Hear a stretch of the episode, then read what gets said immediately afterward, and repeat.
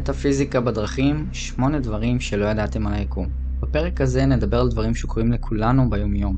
הפעם בצורה ייחודית עם נקודת מבט אחרת עבור כל מה שנראה לנו כקושי או כלא הגיוני. ייתכן ויהיה לכם קשה לעכל ולהכיל חלק מהמילים הבאות. זה לא באשמתכם, אלא בגלל מנגנון הפעלה שיש לכם במוח שנקרא RAS, Articulating Activating System. המנגנון הזה במוח קשור לרדאר בולשיט, חלק פילטורי במוח, ותפקידו בעצם לסנן מידע מחושים הפיזיים שלנו, שנקלטים מהסביבה החיצונית. צלילים, ויז'ואלים, ריחות, טעמים, תחושות וכדומה. על מנת שהמוח כיחידת מידע מרכזית, כמו שקורה במעבד CPU של מחשב, לא יקרוס ממצב העמסת יתר של קליטת המידע הנתון, כלומר מצב של חיסכון באנרגיה, אז זה למה בעצם המנגנון קיים. כנ"ל התהליך הזה תלוי ברמת ההכלה הרגשית שלכם. תדר, הרטט, העוצמה, האוקטבות שיש בין הרטטים. זה מה שיקבע את מהירות הקליטה והפליטה של מידע מבחוץ לבפנים והפוך. בעצם ממחשב של לפני 10 שנים למחשב של 2023. המנגנון יפחית ויפחית את הסינונים עם ההתפתחות שלכם, כי ככה תוכלו להכיל יותר מידע בפחות זמן. בכל אופן, אני ממליץ להאזין בראש פתוח, לאפשר לסקפטיות לקחת מנוחה עד סוף הפרק, ואז להגיד לה לחזור. אני כותב כאן דברים שמחוץ לעיקרון האוניברסלי של סיבה ותוצאה, סינכרוניות, שמתבטאת בגחמות רנדומליות ולא רנדומליות במציאות. שינוי פתאומי במחשבה או ברגש ללא הסבר הגיוני, בתחום של המציאות התלת-מימדית, בהיגיון המציאותי שאנחנו חווים. אז יהיו הרבה דברים שהם לא הגיוניים ממה שאני אגיד, וגם סיטואציות שהן לא הגיוניות מבחינה אינטלקטואלית. משמע, אין היגיון כרונולוגי וקשר בין הדברים המטאפיזיים לבין החושים הפיזיים שלנו. כן, כן, יש לנו עוד שבע חושים שהם לא פיזיים. גם אם אי אפשר להוכיח את זה מדעית, זה לא אומר שהם לא קיימים, לפחות נכון לרגע שאני מקליט לכם. אוקיי, נתחיל מהפשוט למורכב, תקפצו איתי פנימה. אז אחד, עיכובים. אני אקח דוגמה של אוטובוס ורכב. אז אוטובוס שמתעכב, או שאנחנו תקועים בפקק לא מתוכנן בזמן שהייה ברכב, הכוח האוניברסלי מעכב ומסנכרן סיטואציות כדי שיקרו בתזמון המדויק שלהם. זה תמיד לטובתכן העליונה, במיקרו אתם פשוט בתוך הסיטואציה ואתם לא מבינים למה לעזאזל זה קורה ואוף איזה באסה אני תקוע בפקק ורואים את זה בתור תחושה מייאשת וקורבנית. במקרו יש לזה המשכיות עתידית לדיוקים שלכם. יש משפט שאומר If you are rejected, you are protected, או יותר נכון If you are delayed, you are protected. אם אתה דחוי, אתה מוגן, אם דוחים אותך אתה מוגן, או אם אתה מעוכב, אתה גם מוגן. אתם מוגנים ובטוחים בכל דרך, לא משנה מה קורה, לא משנה מה יקרה, לא משנה מה קרה.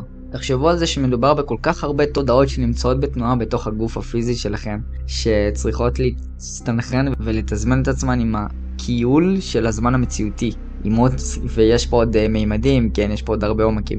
Uh, וכל זה עם תודעות של אנשים אחרים שבתוכם יש גם מיליארדי תודעות. כי כן, uh, מי ששמע את הפרק שלי על מהי תודעה, גם תאים זה תודעה, גם איברים זה תודעה. אז כל אחד צריך את הסינכרון התדרי שלו בשביל שדברים יקרו במציאות. כי כמו שאמרנו, מה שקורה בפנים זה מה שקורה בחוץ. באופן כללי, מאמצים וניסיונות רבים אה, למשהו שיקרה מביעים חסם אנרגטי רגשי אם אתם תקועים באיזשהו לופ, אוקיי, אם דברים לא זורמים, אבל כאן מדובר בעניין אחר, אני מדבר על משהו אחר. סיפור אמיתי שקרה לי. התעכב לי אוטובוס שהייתי בתל אביב, וניסיתי להתקשר לטלפון של חברת אוטובוסים כדי לבדוק למה האוטובוס מתעכב. מה שלמעשה סותר את הדיוק שצריך לקרות בחוויה שלי, שהיה צריך לקרות. זוהי בעצם התנגדות לזרימה. אני התנגדתי למשהו שאינו בשליטתי, ובסופו של דבר לטובתי, באיזשהו אספקט, גם אם אני לא מבין אותו באותו רגע. הכל מתקיים בקשרים מטאפיזיים, אין באמת דבר כזה חומר למעשה, הכל זז, חי וקיים, להכל יש תודעה ולהכל יש אנרגיה. אפילו תורת הגוונטים בפיזיקה, הם אומרים אפילו שאטום מורכב מ-99% אנרגיה, 99.9, אז למעשה אין חומר. אפילו אם אתם בקבוצה של אנשים שמחכים לאוטובוס שמתעכב, העיכוב הזה הוא בשביל כל הקבוצה, כי כולכם צריכים את העיכוב הזה לדבר עתידי שקרב ובא. וכל אחד בחוויה שלו באופן אינדיבידואלי וקולקטיבי כאחד. אינדיבידואלי וקולקטיבי למי שלא מכיר את המושגים, אינדיבידואלי זה אני עם עצמי, בחוויה שלי כיחיד, וקולקטיבי זה שאנחנו עומדים בקבוצה כמה אנשים מחכים לאוטובוס שמתעכב. אז זה אני מחכה לאוטובוס שמתעכב, ועוד עשר אנשים איתי שהם מחכים לאוטובוס שמתעכב. זה רק מראה כמה אנחנו מסונכנים, זה מדהים. במקרה אותה קבוצה שמחכה לכלי רכב מסוים, היא סינכרונית בקשרים נשמתיים של פן חברתי ופן לוגיסטי ופן רוחני. אוקיי? יש פה חוזים שקורים מאחורי הקלעים שאנחנו לא מודעים אליהם כי אנחנו נמצאים בגוף אדם. הנשמה שלנו כן מודעת על זה. זה מאוד תלוי בסיטואציה ובחוזים שבסיטואציה, אם אלו דמויות שגרמו לכם לקבל החלטה או תובנה מסוימת שאתם מחכים לאוטובוס עם כמה אנשים נוספים, לרוב מדובר בחוזה נשמתי או מיני חוזה נשמתי. אני אסביר למה אני מתכוון. יש כאן תקשורים וחיבורים חברתיים בין אנשים על ידי הקשבה של שיחות אחד לשני, אם סיטואציה כזאת מתרחשת. יש עידוד תדרים, העברת עוגנים ומידעים באמצעות חוסר עשייה בעצם, לא לעשות כלום. כולנו מגדלורים של אור ועוגנים של אור עבור האחר, בצורה לא מודעת, אנחנו לא מודעים לזה. אנחנו מעבירים תקשורים לאחרים בצורה לא מודעת. ניתן לכם דוגמה נוספת, אני עומד בתחנת אוטובוס, פתאום יש מישהו שעומד לידי, נגיד רשום לו לחולצה, אל תדאג לגבי שום דבר, סתם לצורך העניין. זה תקשור פסיבי לחלוטין. השוואה נוספת היא מניעה של תאונה עתידית בחוויה של מישהו אחר באותו הנתיב הנסיעה של הכלי רכב שאתם תהיו עליו. אם אני בעצם נוהג ברכב, אז אני מונע מעצמי תאונה עתידית של נתיב שמישהו אחר צריך לעבור שם תאונה, או שזה לא הזמן שלי ללכת. ואתם, אתם לא צריכים להיות מעורבים בתאונה הזו כי זמנכם עדיין לא הגיע. המשימה, השליחות, הדבר הספציפי שאתם צריכים לעשות כאן, עדיין לא עשיתם אותו, אז אתם לא יכולים ללכת. כן, אני אוסיף שגם אנשים שסיימו את הפרויקט, המשימה שלהם, זה עדיין לא אומר שהם צריכים ללכת. אתם יודעים מה, אני אעשה על זה פרק שלם בהמשך. לרוב תמצאו את עצמכם במחשבות ובסיטואציות כאלה עם מילים קורבניות כמו למה זה מגיע לי, למה דווקא לי זה קורה, אוף עם המציאות הזאת, מה אני עכשיו אגיד לבוס שלי שאני מתעכב, כן, יש uh, כל מיני משפטים כאלה. אבל כשתגידו לבוס שלכם את מה שאני אומר לכם בפרק, אה, הוא גם ככה לא יאמין לכם. אבל אתם כן יכולים לנסות לשלוח לו את הפרק, אולי הוא קצת יבין, לכו תדעו. אוקיי, שתיים, סינכרונים. נתחיל עם הסבר למה הם סינכרונים, כי זה נושא גדול. סינכרונים הם מקרים עם משמעות או מטאפורה מסוימת שלא יכולים להיות סבירים ומוסברים על ידי עיקרון מדעי של סיבה ותוצאה. כמו שאמרתי מקודם, אין רצף כרונולוגי והיגיון למשהו שקורה. זה מחוץ להיגיון האנושי. זה יותר בעיקרון של אה, חוקים אה, ועקרונות אוניברסליים של הקיבליון, עיקרון הרמטי אוניברסלי, אנחנו כן יכולים להגדיר את זה כעיקרון אוניברסלי של סיבה ותוצאה. זה נקרא גם עיקרון הרמטי. בעצם זה מגיע מהרמטיזם, כן, ככה קוראים לתורה הזאת, תורת ההרמטיזם. אי אפשר לעשות משהו ישיר כדי לגרום לסינכרוניות לקרות, אלא אם כן זה לצרכים האנרגטיים הרגשיים שלנו. א', עניין הסינכרוני מתבטא בצופן צירופי מלאכים כמו 666, 888, 333, כן, יש המון. מדבר על זה בהרחבה בסעיפים בהמשך. ב. סוג סינכרונים נוסף הוא צבעים ומילים. סינכרונים קורים בדרך כלל לאחר התפתחות תודעתית או רגשית או, או לאחר אירוע גדול שעברתם בהצלחה או משהו גדול שהבנתם, איזשהו רעיון שקיבלתם, איזושהי תובנה שקיבלתם, כן? סינכרונים הם בדרך כלל דרך של היקום להגיד לכם, יקירי, אתה בכיוון טוב, המשך כך. תתארו לכם סיטואציה ברחוב כאשר אתם רואים אנשים לובשים בגדים בצבעי שחור לבן, אחד אחרי השני, כל רחוב שאתם הולכים. וגם המכוניות שחונות הן בצבע שחור או לבן. זה צירוף מקרים רנדומלי? לא ממש. אם אתם נוכחים בחוויה שלכם בכאן ועכשיו מאוד, ולא עם הפנים למטה לטלפון רוב היום, תוכלו לבדוק ולחוות את סינכרוני השחור לבן יותר מפעם אחת, ולהוכיח לעצמכם שזה כבר לא צירוף מקרים. כן, פעם ראשונה, פעם שנייה זה יכול לראות כצירוף מקרים. וואלה, אני בדיוק נמצא במקום שכל האנשים לבשו היום שחור לבן, או שכל המכוניות היום הם בצבע שחור לבן. או שבישראל כל המכוניות הם בצבע שחור לבן. אבל אחרי פעמיים שלוש שזה קורה לכם, אתם תבינו שזה no bullshit. זה באמת אמיתי. זה סינכרון אמיתי. ג' והסוג השלישי של סינכרונים הוא מילים ומסרים שחוזרים על עצמם. אז אה, אם יש אדם עם חולצה ברחוב שכתוב עליה Life Sweet, החיים מתוקים, כאשר אתם מרגישים שמחה, או אדם שהולך בדיוק לידכם לאחר אה, שיחת פיטורין מהעבודה, שפיטרו אתכם, שעל החולצה שלו רשום uh, Get over it, תתגבר על זה. זה דבר כזה בדרך כלל קורה אחרי שאתם מסיימים את השיחה של הפיטורים, או מסיימים את הפגישה שעשיתם, ואז get over it, תתגבר על זה. זה מסר מההדרכה שלכם, מהיקום. או יכול להיות שיר שמתנגן ברגע בדיוק כשאתם מדליקים רדיו, או עוברים ליד איזשהו רמקול, או איזה שכן פתאום מפעיל שיר של uh, תתארו לכם עולם יפה של שלמה ארצי. ד' דרך נוספת היא כיתובים בגב בכיסאות באוטובוס, תחבורה ציבורית, וזה גם יכול להיות uh, סוגי גרפיטי. תמיד זה רשום באופן ציני ורציני בו זמנית, כדי שתרגישו מודאגים, אז מסרים כמו אח שלי היקר הכל יהיה בסדר יכולים להופיע. זה משהו שקרה לי. היי, hey, רעש כלשהו שגרם לכם לא לשמוע דברים שרציתם לשמוע באותו רגע, זהו סימן שלא הייתם צריכים לשמוע את האינפורמציה הזאת, היא מתקדמת מדי בשבילכם, או שכרגע אינה מדויקת לכם. זאת אומרת, אם תשמעו מידע מסוים, זה יכול רק לבלבל אתכם כרגע, ולגרום לכם להתחרט על החלטה או מחשבה או איזשהו רצון שעשיתם. סך הכל אם לא שמעתם uh, משהו זה נהדר. אני יכול לתת לכם דוגמה מסשנים של מטופלים כמו הפרק הזה, הוא לא יגיע לנשמות או אנשים שלא מוכנים אליו, והמידע הזה לא מדויק למסע שלהם כרגע. בהמשך זה בהחלט יגיע אליהם, כן?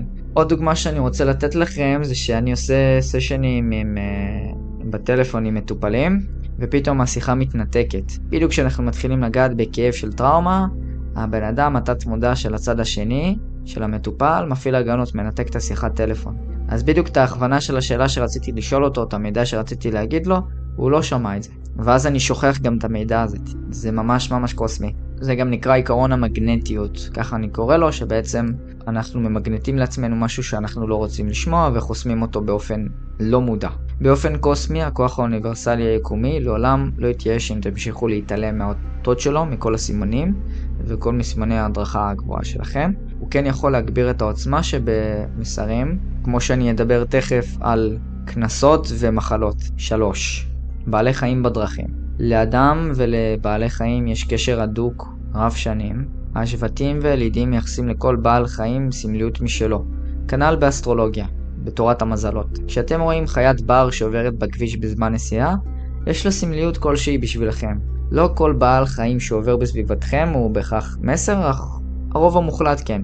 זה תלוי כמה זה מהדהד לכם עם הסיטואציה שאתם שוהים בה כרגע. בין אם אתם מתלבטים לגבי דבר מסוים, או שמהססים ופוחדים לפעול לגבי רעיון שנמצא בראשכם, או משהו שאתם רוצים לעשות. בין היתר, ציפור שמצייצת, ששומעים אותה בצורה ברורה, למרות כל הרעש מסביב, או זבוב שמזמזם באוזן, שנדבק אליכם ולא מרפה, לא משנה כמה תנסו לברוח ממנו, או פתאום בדיוק כשסיימתם מדיטציה, יש לכם יונה על החלון שעושה את הקולות, זה גם מסר. כן, איך שיונות עושות את הקולות שלהם.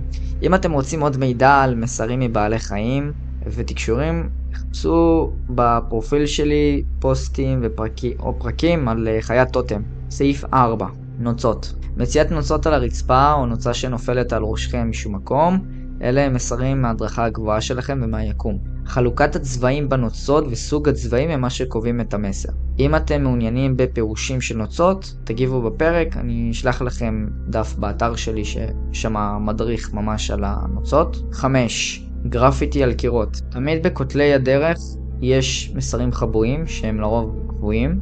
אך אם זה פעם ראשונה שאתם רואים איזשהו גרפיטי וזה מהדהד באותו רגע עם סיטואציה שאתם נמצאים בה, זה מסר מהיקום אליכם, הדרכה העליונה שלכם. מניסיון אישי שלי על קיר בתל אביב, קרה לי שאני ישבתי באוטובוס, ופתאום ראיתי גרפיטי, אמא שלך צריכה אותך.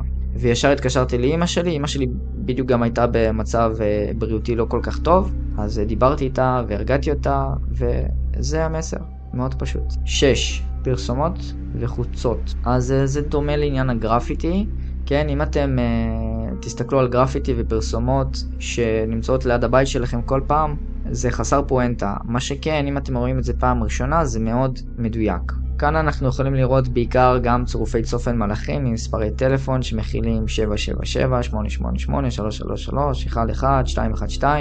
אנחנו נגיד תודה למתווכי הנדל"ן של רימקס על החוצות בשלטים עם כל המספרי טלפון שהם עושים לנו. לא כל השלטים בהכרח הם צירופי צופן מלאכים, אלא רובם. זה בעיקר תלוי בסיטואציה שאתם שרויים בה באותה הרגע, ואם זה מהדהד לכם. אני יכול גם uh, לבוא ולראות 777 ואני לא ארגיש זרמים בגוף, או שפתאום uh, משהו שקורה לי, כן? זה תלוי איך אתם מרגישים כשקלטתם את המסר.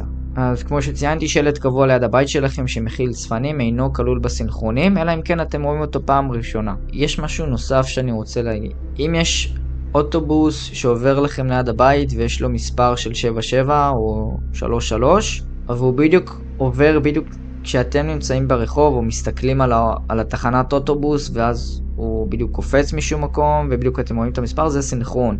אוטובוס הוא אובייקט דינמי שזז, הוא לא כמו שלט, הוא כן סינכרון, שתכירו. לגבי מתווכי נדל"ן של רימקס עם השלטים, הם עושים את תפקידם בצורה נאמנה. הודות להם כמתווכי מסרים, אנחנו מקבלים את המסר כתיווך בפן שיווקים באופן מקרי, מספרי טלפון. אבל הם לא יודעים שהם עושים תקשורים. דרכים נוספות לצופן זה בחלק של המספר טלפון של העסק המפרסם בשלט החוצות או במחיר של המוצר שמפורסם שם. ייתכן גם מילים חוזרות כתת סלוגן של העסק המפרסם. אז uh, עסק של רהיטים, עסק של uh, גבינות, תסתכלו, זה מאוד מעניין הדברים האלה. כמעט בכל סיטואציה בחוויה שלכם זה הקרנה של מסר למעשה, כמעט הכל. 90%.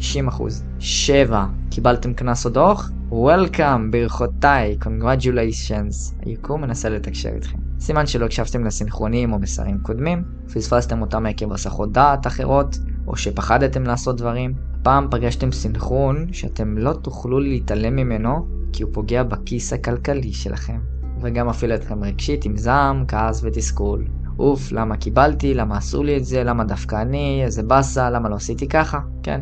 זה מאוד דומה לעניין של המחלות וכאבים בגוף, כי פה זה קנס, זה פשוט שוק, זה הלם out of the blue, out of the nowhere, משום מקום מקבלים קנס, וגם uh, דקירות בגוף שאנחנו מרגישים משום מקום, או גירודים, זה גם סוג של תקשור למשהו שצריך לעשות. ראשי תיבות של המילה דוח היא דין וחשבון. משמע כל מה שעשיתם עד כה, עצרו, קחו רגע, קחו הפסקה, תעשו ותחשבו על מסלול מחדש. חישבו מסלול מחדש, ממש כמו בווייז. לגבי כאבים ודקירות בגוף, זה בעצם אה, עבודה של נשמה, של התיקון שבאתם לעשות, זה טראומה שצריך לשחרר למעשה, או אם זה מחלה, זה גם איזשהו רגש שיצר את המחלה, שתכירו. טראומה מהילדות שיצרה את המחלה או את הכאב, אז על זה אתם צריכים לעבוד, זה ההכוונה בעצם. שמונה, דברים נעלמים בין המימדים, בין המציאויות. תחשבו על זה שאתם נוסעים ורואים מבנה מסוים, וכשאתם חוזרים באותה הדרך, המבנה הזה פשוט נעלם, לגמרי נעלם כלא היה. המבנה או החפץ עשה שיפט תדרי, שינוי אנרגטי בתדר שלו למימד אחר. ממימד 3, שזה המציאות התלת-מימדית שאנחנו חיים, למימד גבוה יותר. הוא יחזור לאחר זמן מה, זה דבר כזה יכול לקרות uh, בגלל שינוי תדרי uh, גיאוגרפי ספציפי באותו אזור, או איזשהו מסר מההדרכה שלכם. זה הסיבה הצינית הנוספת שישויות אור נמצאות בסביבתכם והם מטרילים אתכם, הם, הם צוחקים עליכם, אבל בצורה חיובית. גם למלאכים ומדריכים או ישויות אחרות יש הומור ציני והם אוהבים לצחוק. הם אוהבים להסתלבט. כן, הם כמו בני אדם, רק שהציניות והחוש הומור שלהם זה לא אה, הומור אנושי של בדיחות, אלא זה דברים שהם יותר אה, קוסמיים שאנחנו בני אדם לא נביאים. זה סוג שונה של צחוק וחוש הומור בהשוואה לבני אדם. אז אם לא ידעתם, גם לכדור הארץ יש תודעה. כדור הארץ זה נשמה בפני עצמה, והוא עושה גלגול נשמות בעצמו. וכדור הארץ, אה, בין אם זה זכר או נקבה, היא יוצרת סופות, בולענים, שינויים אורגניים במזג האוויר וכדומה, וגם שינוי סיביליזציות של חיות, בעלי חיים, תזוזת אוכלוסיות, לא דווקא הנדסת אקלים, כן? הנדסת אקלים זה משהו אחר. אם יש התפרצות של הר געש, זה בעצם uh, כדור הארץ, uh, אפשר לקרוא לזה מפליץ, כן? בצורה צינית, משחרר גז מעצמו כדי לפרוק סטרס שהוא צבר, לפרוק אנרגיה שהוא צבר. התפרצויות של הרי געש הם גם יכולים להיות uh, תזוזה של אוכלוסייה שנמצאת באזור של ההר געש, כדי להזיז אותם למקום אחר. להבריח בני אדם למקום אחר. זה גם בעצם דומה לחוויה האינדיבידואלית קולקטיבית שהסברתי מקודם עם התחנת אוטובוס. התפרצות הר געש נועדה לאוכלוסייה לגרום להם לעשות שינוי באופן קולקטיבי, בזה שהם זזים אזור, במידה ונשרף להם הכפר או שההר געש מאיים על הכפר שלהם, לצורך הדוגמה. בואו נחזור רגע למבנים. אז אם מבנה נעלם, מבנים ואובייקטים יכולים להיעלם פתאום באופן אקראי. אה, מאורעות כאלה מתרחשות בצורה בולטת יותר באזורים שוממים שרחוקים מן העיר. יותר במדברים, בכפרים בצפון, או במדברים בנבדה, בארצות הברית בעיקר זה קורה. זה גם קורה עם אובייקטים קטנים בבית, מי שחווה את זה יודע על מה אני מדבר. שפתאום אתם מחפשים עט והוא נעלם, פתאום אתם מחפשים מפתח והוא נעלם, ואתם יודעים ובטוחים ששמתם את המפתח על השולחן והוא פשוט נעלם כלא היה. ואתם עושים סיבוב ואתם עושים אותו בכל הבית, ושוב אתם חוזרים לאותו מקום שהייתם בטוחים ששמתם אותו בהתחלה, ופתאום הוא מופיע. מי שחווה את זה על הבשר שלו יודע בדיוק על מה אני מדבר. כמו חפצים ואובייקטים, ככה גם בני אדם ובעלי חיים יכולים להיעלם ולחזור. יש דבר כזה שנקרא NPC, Non-Player Character, זה אנשים הולוגרמים בתפאורה, בסימולציה שאנחנו נמצאים בה, שהם אה, לא בני אדם אמיתיים. נקרא להם תודעות לא אמיתיות, למרות שהן תודעות כי זה עדיין איזושהי אינטליגנציה שהולכת, כן? אבל זה תודעות לא אמיתיות, זה לא נשמות אותנטיות, והם יכולים להיעלם ברחוב כלא היו, בצורה מהירה ולא הגיונית. NPC משחקים תפקיד קטן בחוויה שלכם באותו הרגע. אתם יכולים לראות אותם בנוכחות, בסביבה למטרת מסה קריטית של אנשים, או בעצם משחקים תפקיד של שיחה קטנה כדי להעביר אליכם מסר. או תפקיד אחר כמו ניצבים בפרסומות וסרטים, על מנת שהחוויה הארצית, התיאטרון, הסימולציה, כל התיאטרון הארצי הזה ייראה מציאותי יותר וקצת יותר מגניב למשתמש האינדיבידואלי, לנשמה האמיתית. אתם יכולים לראות את זה בעיקר בנתב"ג. נתב"ג זה מקום שמפוצץ באנשים, ואתם סך הכל עולים לטיסה, אבל חצי מהאנשים שעומדים בתור, או חצי מהאנשים שנמצאים באופן פסיבי בחוויה שלכם הם NPC למעשה. כן, אם אתם תבואו ותדברו איתם, הם ידברו איתכם כמו בן אדם רגיל. אבל uh, אחרי שתראו אותם פעם אחת, אתם לא תראו אותם יותר בחיים שלכם. אני יודע שזה קצת קשה לתפוס את זה, אולי יצא לכם לחוות, אבל אתם uh, מוזמנים לבדוק את זה, זה ממש משעשע, אפילו יותר טוב מסטנדאפ. כל זה כדי שהכל יהיה אמיתי בממד הדחוס הזה, ההצגה, התיאטרון הוויר... הווירטואלי, שהוא מיוחד עבורכם ובשבילכם. מאורעות כאלה יכולים להוביל את התודעה שלכם ל mindfuck רציני ביותר בפעמים הראשונות. אחרי כמה פעמים אתם כבר מתרגלים, אתם מבינים שאוקיי, מה המציאות הסטנדאפיסטית הזאת רוצה להציע לי עכשיו. אני מאוד מקווה שתצליחו להבין מידע כל כך מורכב בפרק אה, כזה ארוך. וגם אני עוד אה, כתבתי את זה בפורמט של טקסט בפוסט, אז בכלל, אה, בטקסט עוד יותר קשה להסביר את זה, לפחות באודיו יותר קל. זה לא מידע שניתן לעכל אותו בקלות, וגם בשבילי זה לא היה קל אה, ליצור את, הפרק הזה. בכל אופן, לכל שאלה אתם מוזמנים לשאול אותי בתגובות, לשלוח לי הודעה, אני אענה ואסייע באהבה גדולה. ועוד משהו קטן, יש אה, ב top של העמוד של הספוטיפיי כוכב עם אה, סוגריים. אני אשמח שתלחצו עליו ותכתבו פידבק על הפודקאסט עם חמש כוכבים אם אתם רואים לנכון. זה יעזור לי מאוד עם האלגוריתם של ספוטיפיי, להתרחב ולהגיע ליותר ויותר אנשים עם המידע הקוונטי המטאפיזי הזה. תודה רבה שהאזנתם, נתראה בפרק של שבוע הבא. לתכנים נוספים על ריפוי אנרגטי, ריפוי רגשי, תודעה והתפתחות רוחנית, אתם מוזמנים לעקוב אחריי.